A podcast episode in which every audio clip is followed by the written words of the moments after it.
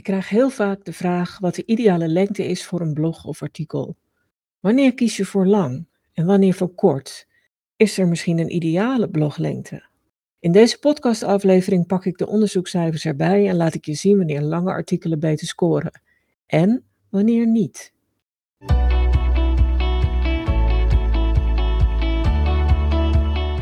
Lang, lang geleden, nou valt misschien wel mee, maar eind 2008 lanceerde ik met twee andere ondernemers een platform waarop we tips en artikelen deelden. En ik ging toen voor het eerst van mijn leven bloggen en ik schreef direct lange artikelen. Nou is dat ook een beetje mijn manco. Ik behandel vaak graag meteen alles. En ik ben niet zo heel goed in korte, vlotte artikeltjes. Mijn collega-schrijvers waren dat wel. En zij suggereerden al heel snel dat ik het wat korter zou houden. En zoals gezegd, omdat dat mijn manco is, vond ik dat best wel lastig. Maar na verloop van tijd bleek bovendien dat hun vlotte, korte artikelen het goed deden, maar die van mij ook. Alleen ze deden het goed, ieder op een andere manier. En dat verschil zie ik nu nog steeds. Er is een plek voor zowel korte als voor lange content. Maar de vraag is dan natuurlijk, wanneer gebruik je dan wat? Allereerst wil ik het hebben over de goudvismythe. En uh, die speelt nogal een rol als mensen het over lange content hebben. En vooral als ze het dan hebben over hun aarzeling om lange content in te zetten. Misschien ken je hem, die goudvismythe. Maar er heeft ooit eens iemand iets ge geïntroduceerd of gelanceerd. Ik weet niet hoe die mythe de wereld in is gekomen. Maar het verhaal ging toen dat een mens de aandachtspannen heeft van een goudvis. Namelijk 8 seconden. Dat is natuurlijk niet zo lang als je artikelen schrijft, maar trouwens ook niet of je, als je korte artikelen schrijft. Gelukkig is die goudvismythe een mythe. En het woord zegt het al, het is echt onzin. En het is ook al lang al weerlegd. Want mensen kunnen heel goed, heel lang hun aandacht bij iets houden, als ze het maar willen. En daar draait het natuurlijk om. Als je het hebt over lang versus kort en wat mogelijk beter is, dan moet je natuurlijk eerst kijken van wat is dan lang. En de internationale onderzoeken die naar content gedaan worden, houden het dan eigenlijk op een lengte van 800 tot 1000 woorden. Dus alles wat daarboven zit, wordt geclassificeerd als lange content. En alles wat eronder zit, is korte content. En dan moet ik zeggen dat ik vooral bij het, het, merkje korte content wel een beetje mijn vraagteken zet.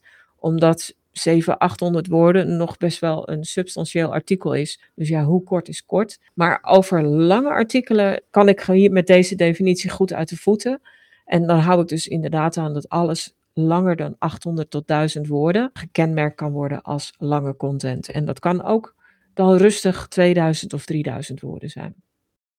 er zijn een paar partijen die echt wel relevant onderzoek hebben gedaan. De een analyseerde 750.000 artikelen. En een recenter onderzoek deed onderzoek naar 700.000 artikelen. Dus dat zijn best aardige aantallen om conclusies op te baseren. Nou, ze zijn het over een aantal dingen echt wel eens en zien ze steeds dezelfde dingen terugkomen.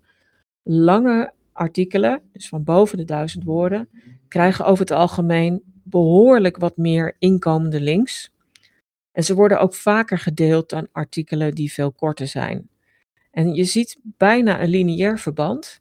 Hoe langer het artikel, hoe meer links en hoe vaker het gedeeld wordt. En dat kan echt flink oplopen, want lange artikelen kunnen tot 77% meer inkomende links krijgen dan korte artikelen. Die inkomende links die dragen ook bij aan een betere positie in Google, want dat, Google ziet dat als een soort kwaliteitskeurmerk. Als een artikel veel inkomende links krijgt, dan heeft het blijkbaar waarde. En bovendien, omdat die lengte zo groot is, zie je dat mensen relatief lang op zo'n pagina blijven. Dat is niet zo gek, want uitgebreide antwoorden behandelen veel meer aspecten. Dus mensen gaan daar langer over, over doen om dat tot zich door te laten dringen. En ook een lange bezoekduur is iets positiefs in de ogen van Google. Een ander voordeel van lange content is dat lange content over het algemeen meer autoriteit heeft in de ogen van een lezer. Wat je dan als positief effect ziet, is dat lange content een hoger percentage terugkerende bezoekers tot gevolg heeft voor een, voor een website. En dat is natuurlijk ook fijn. En het is ook niet zo gek. Lange content blijft beter hangen. Het maakt meer indruk. Dus mensen zullen je website beter onthouden en zullen dan ook vaker spontaan terugkeren. En dat leidt dan tot dat hogere percentage terugkerende bezoekers. Er zijn nog wat andere cijfers die interessant zijn. En zonder hier nou een soort cijferwaterval van te maken, wil ik die toch even kort noemen. Ik weet niet of je Medium kent, maar dat is ook een, een, een platform. Uh, een beetje, eigenlijk is het de, tekstversie van YouTube. Mensen delen daar heel veel inhoudelijke artikelen op. Het is in Nederland niet zo bekend, maar in het Engelstaalgebied is het uh, heel bekend. En op Medium, Medium zie je dat artikelen van 1600 woorden of artikelen met een leestijd van tenminste 7 minuten daar het beste scoren. Op LinkedIn zie je iets soortgelijks. Daar kun je ook artikelen delen met je connecties. En dan zien we dat artikelen van 1000 tot 2000 woorden veel vaker gedeeld worden op LinkedIn dan artikelen tot 1000 woorden. Wat je ook ziet in, in het, uh, als je kijkt naar lengte, dan zie je dat lange titels over het algemeen beter scoren en meer bezoekers trekken, tot vaak twee keer zoveel, maar ook meer links weten te trekken naar een artikel. En wat heb, waar heb je het dan over met, qua lengte? En dan moet je, is het ook weer goed om te weten dat dit weer op het Engels taalgebied slaat. Daarin vergeleken ze titels van 7 tot 10 woorden met titels van 14 tot 16 woorden. En ander onderzoek zag iets vergelijkbaars voor titels van 11 tot 17 woorden, dat die veel vaker gedeeld werden op social media. Dus langere titels doen het ook goed, net zoals langere artikelen. Is lange content dan altijd beter dan korte content? Het hangt er echt van af. En het hangt er vooral af van het doel wat je hebt met je content. Er zijn een paar doelen waarbij lange content een positieve invloed heeft. Bijvoorbeeld, als je een hogere positie in Google nastreeft, dan is langere content over het algemeen beter vanwege de SEO-voordelen die ik net eigenlijk al noemde en vanwege de inkomende links. Streef je thought leadership na, wil je echt je expertstatus naar voren brengen, dan is lange content over het algemeen ook beter, omdat die heeft aangetoond dat die je autoriteit beter vestigt. Daarnaast hangt het ook af met je verhaal. Wat wil je vertellen? Wat is je boodschap? Of lange content beter is. Als je iets wilt delen in de vorm van een onderzoek, een opinie of een complex onderwerp, dan kun je dat ook het beste adresseren met lange content. Het enige wat je echt moet zien te voorkomen is dat je denkt van, oh, ik heb nu een artikel van nou, 800, 900 woorden en ik wil graag boven die 1000 komen, want dat is beter. Dus ik ga daar lengte bij breien. Doe dat alsjeblieft niet. Probeer je boodschap toch wel altijd compact en helder te houden. Dus lengte om, om de lengte is nooit een goed idee.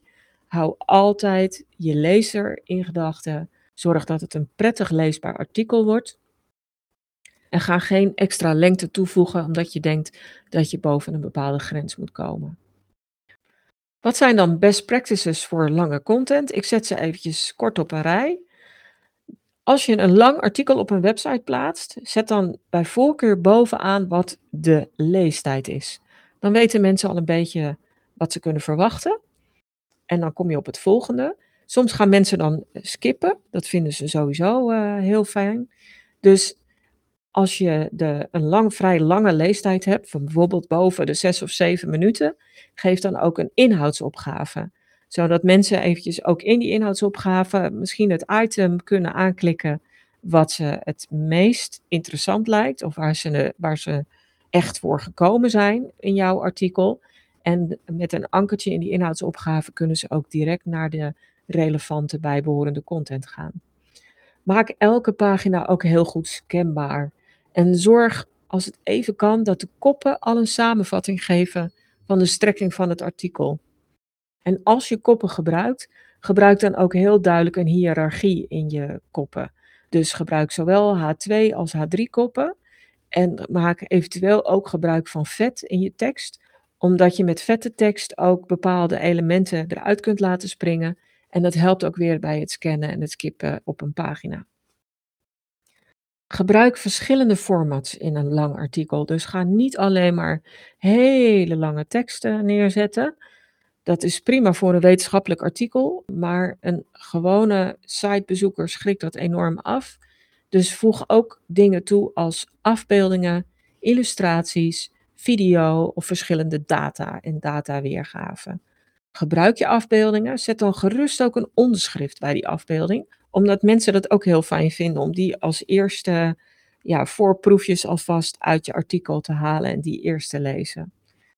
Wat je ook nog kunt doen is dat je aan het eind van een lang verhaal een samenvatting plaatst met eventjes de belangrijkste elementen eruit. En dat kun je in tekst doen, maar dat zou je ook nog als een soort slideshow of een slideshare kunnen presenteren. En tenslotte zou je mensen de tekst ook kunnen laten downloaden als een PDF, zodat ze die kunnen bewaren.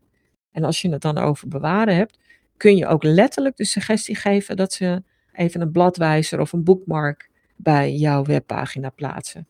Dus dat zijn wat best practices, dat als je lange content gaat plaatsen op je website, dat je dit nog extra doet om er extra rendement uit te halen. Nou, wanneer kies je dan voor korte of zelfs voor microcontent?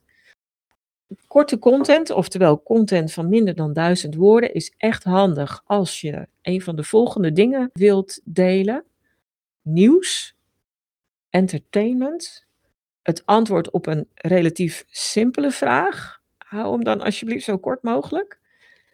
Social media berichten, die gedijen over het algemeen echt beter als het een kort bericht is, waarbij je meteen tot de kern komt. Maak je hem iets langer, zorg dan wel dat er in een van die eerste twee regels al een kleine cliffhanger zit. En ja, het is ook niet zo gek dat die berichten niet zo heel veel langer kunnen zijn, want vaak zit er gewoon ook een limiet aan het aantal karakters wat je mag gebruiken. En tenslotte vind ik korte content echt een pre hebben als je weet dat je doelgroep dit eigenlijk meer on the go consumeert.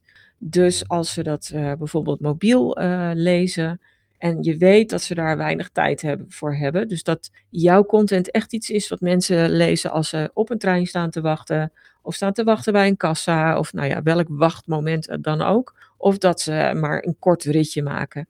Als dat je ding is, dan is content die kort is, toch echt weer te prefereren boven lange content.